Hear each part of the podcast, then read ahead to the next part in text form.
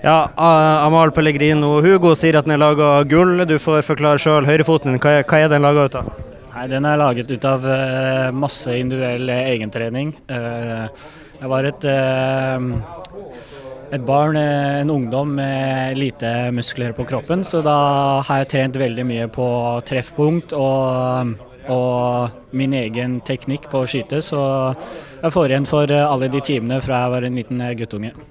Jeg er ganske sikker på at alle her i presserommet nå etter kampen får spørsmål om hvordan de opplevde skåringa di, men det mest interessante er jo hvordan du opplevde det. Altså, du, du mottar ballen fra en Odd-spiller på, på, egen banehalvdel. Altså, hva i all verden er det som får deg til å tenke at nå skal jeg skyte?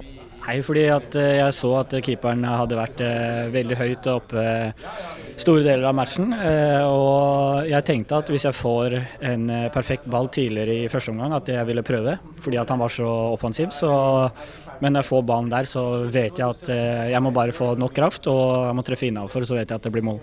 Så det, det, er rett og slett et resultat over at du er våken tidlig i kampen og, og analyserer spillet til motstanders keeper?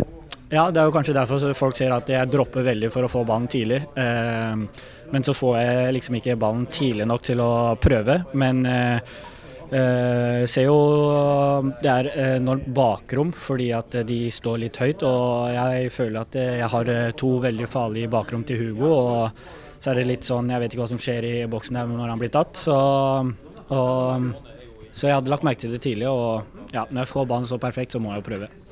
Du sa etter, eller først mot Stabæk i første kamp på Aspmyra for sesongen, så skåra du også et helt vanvittig mål som ble sett bare på Twitter over seks millioner unike brukere.